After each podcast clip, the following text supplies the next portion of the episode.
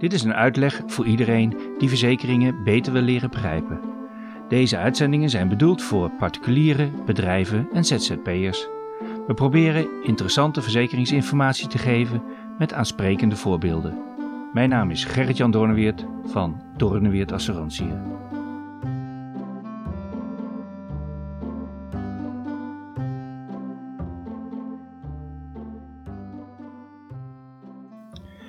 Deze uitzending gaan we in op een paar belangrijke zaken in en rondom een pensioenregeling voor de directeur groot aandeelhouder. Het is een pittig onderwerp met veel techniek, maar uiteindelijk komt het neer op relatief eenvoudige uitgangspunten. Laten we dus even overzichtelijk beginnen. Met een pensioenpolis legt de directeur groot aandeelhouder geld apart voor later. Nu is dat een aftrekpost maar later moet u er weer belasting over betalen. U kunt naast uw investering voor een ouderdagspensioen later ook nog zorgen dat uw partner en kinderen geld krijgen als u overlijdt. Verder is er een mogelijkheid om bij arbeidsongeschiktheid te zorgen dat geen premie meer betaald hoeft te worden, maar dat de pensioenpolis wel gewoon doorgaat. Eerst maar even een nadeel van een pensioenverzekering aangeven. Als directeur groot aandeelhouder investeert hij dus het geld in een pensioenpolis bij een verzekeraar. En u bent dat geld dus in principe kwijt totdat u met pensioen gaat. Maar dat nadeel is ook gelijk een voordeel. U kunt namelijk niet meer gemakkelijk aan het pensioengeld komen. En dat kan ervoor zorgen dat u geen impulsieve beslissingen neemt om het geld ergens anders voor te gebruiken. En er is natuurlijk een flinke belastinguitstel, doordat u gedurende de opbouwtijd geen belasting betaalt over het rendement. Maar hoe regelen de meeste directeur aandeelhouders hun pensioen op een goede manier? Vaak wordt ervoor gekozen een basispensioenvoorziening op te bouwen. Er is dan een solide basis als er toch iets misgaat met het bedrijf. Een directeur groot aandeelhouder kan dus om verschillende redenen starten met een pensioenregeling. En ik praat specifiek over een regeling en dus nog niet over een verzekering. De pensioenregeling, dat is een afspraak tussen de werkgever en de werknemer. En in veel gevallen dus een afspraak tussen de BV van de directeur groot aandeelhouder en de directeur groot aandeelhouder in zijn functie als werknemer. Die interne afspraak wordt door de pensioenverzekeringsmaatschappij gevolgd.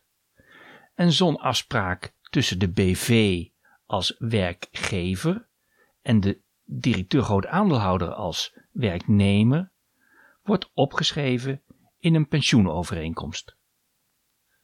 En dan ligt er dus een klus voor de werkgever om die pensioenregeling op te zetten. Het bedrijf maakt daarvoor een afspraak met de pensioenverzekeringsmaatschappij die de pensioenregeling gaat uitvoeren. En dat is dus de pensioenuitvoerder en het contract heet een uitvoeringsovereenkomst. Die pensioenuitvoerder doet dat door een pensioenpolis te maken voor de directeur groot aandeelhouder en dat is dus de pensioenverzekering. De eigen BV mag dus niet meer, zoals voor 2017, zelf optreden als pensioenverzekeraar en het geld reserveren op de balans. Dat is jammer, maar er zijn ook voordelen. Voor gewone werknemers bijvoorbeeld, dus niet directeur groot aandeelhouders, zijn dit soort toezeggingen erg belangrijk, want een werkgever kan zo'n toezegging niet eventjes afnemen. Het zijn toegezegde arbeidsvoorwaarden. Maar een directeur groot aandeelhouder kan, bij wijze van spreken, elk jaar weer een andere beslissing nemen. Goed, we gaan nu even drie zaken van dichtbij bekijken: het ouderdagspensioen, het partnerpensioen en de premievrijstelling bij arbeidsongeschiktheid. Die drie zijn eigenlijk ook verrassend eenvoudig.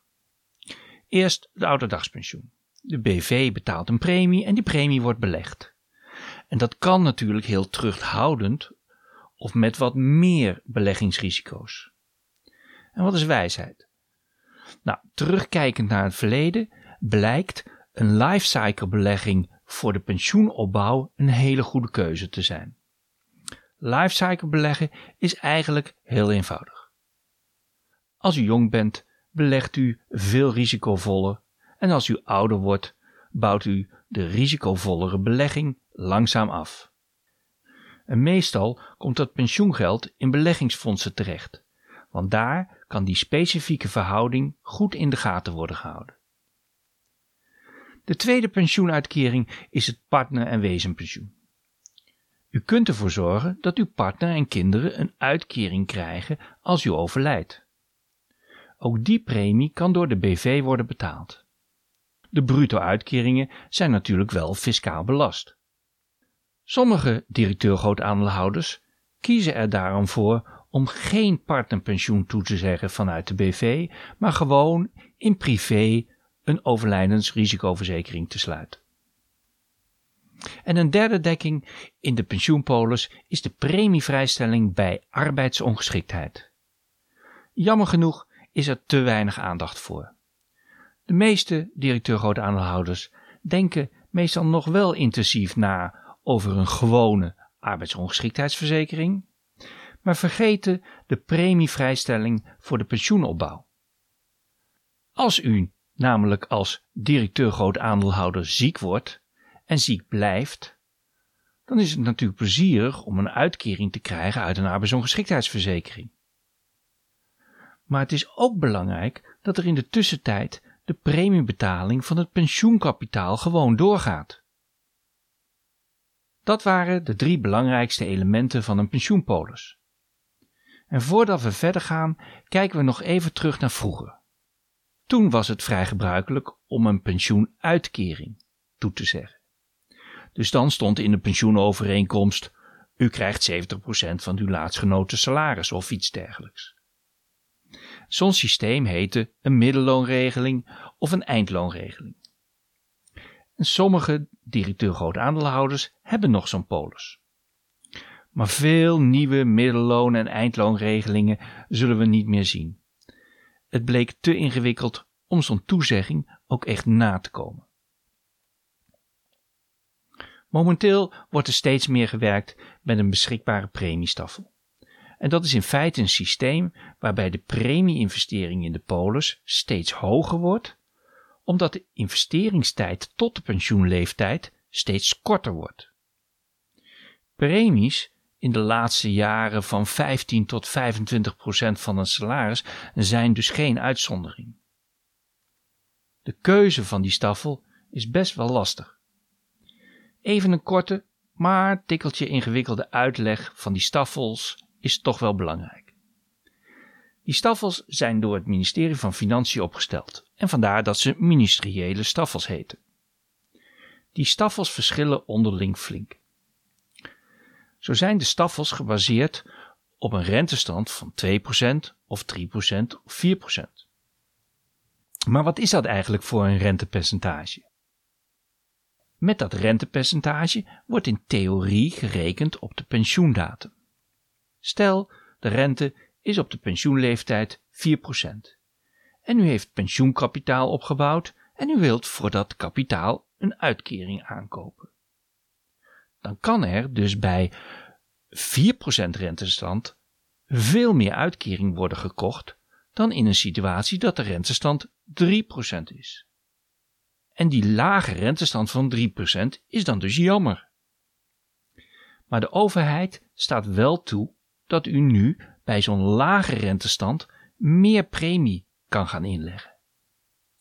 En dus zijn de premies die u voor die staffel mag investeren in uw pensioenpolis bij een 3% staffel dus veel hoger dan bij een 4% staffel. Let ook nog even op de kosten van zo'n pensioenpolis. De administratiekosten voor zijn polis zelf vallen meestal wel mee. Een paar honderd euro voor de verzekeraar. En degene die de polis beheert wil meestal ook standaard een paar honderd euro hebben. En verder zijn er nog kosten die het beleggingsfonds in rekening brengt. En veel meer doorlopende kosten zullen er niet zijn. U kunt als directeur grote aandeelhouder een pensioenpolis natuurlijk zelf afsluiten. En besparen op de eenmalige advieskosten van een pensioenadviseur. Maar het vaak gaat het om grote bedragen en dan is een foutje gelijk behoorlijk kostbaar. En zo'n pensioenadviseur is gewoon verzekerd voor een beroepsfout en die kosten van het advies zijn wel te overzien. Hou nog wel even rekening met de extra pensioenpremies voor het partnerpensioen en de premievrijstelling bij arbeidsongeschiktheid als u die onderdelen toegevoegd wil hebben. U merkt het, pensioen voor de directeur groot aandeelhouder kan best nog een gepuzzel zijn. Laat ik als laatste nog even een paar interessante details aanstippen. Er zijn niet zo heel veel echte pensioenverzekeraars voor directeur groot aandeelhouders meer. Dus er niet verbaasd van dat er maar weinig keuze is. En veel directeur groot aandeelhouders hebben nog op de balans oude reserves staan. Controleer de onderliggende contracten nog even of ze fiscaal acceptabel zijn, want de fiscus is niet erg vergevingsgezind. Kan soms best een goed fiscaal idee zijn om een eigen bijdrage te betalen uit het salaris van de directeur grote aandeelhouder. Met een beetje fiscale planning kunnen zo aardige voordelen worden gehaald. Kijk ook nog eens naar de oude premievrije pensioenpolis. Laat ze niet slingeren en kijk eens naar welke wijze het geld belegd is. Dat kan soms eenvoudig verbeterd worden. Foutieve beslissingen nemen kan een directeur groot aandeelhouder duur komen te staan. De fiscus heeft dan de onhebbelijke gewoonte om de gehele aanspraak tot het loon te rekenen en te belasten tot het maximale tarief van 52% en er ook nog even 20% revisierente bij op te tellen. Een revisierente is eigenlijk een rentecorrectie voor de fiscus, maar wordt meestal ervaren als een stevige extra boeterente. Dit was de eerste uitleg over de pensioenpolis voor de directeur grote aandeelhouder. Het goede nieuws is dat ook de directeur grote aandeelhouder gemiddeld steeds ouder wordt en dus langer van het pensioen kan genieten. En die fijne lange levensverwachting is ook gelijk het slechte nieuws. Want de directeur grote aandeelhouder zal steeds meer pensioengeld apart moeten zetten.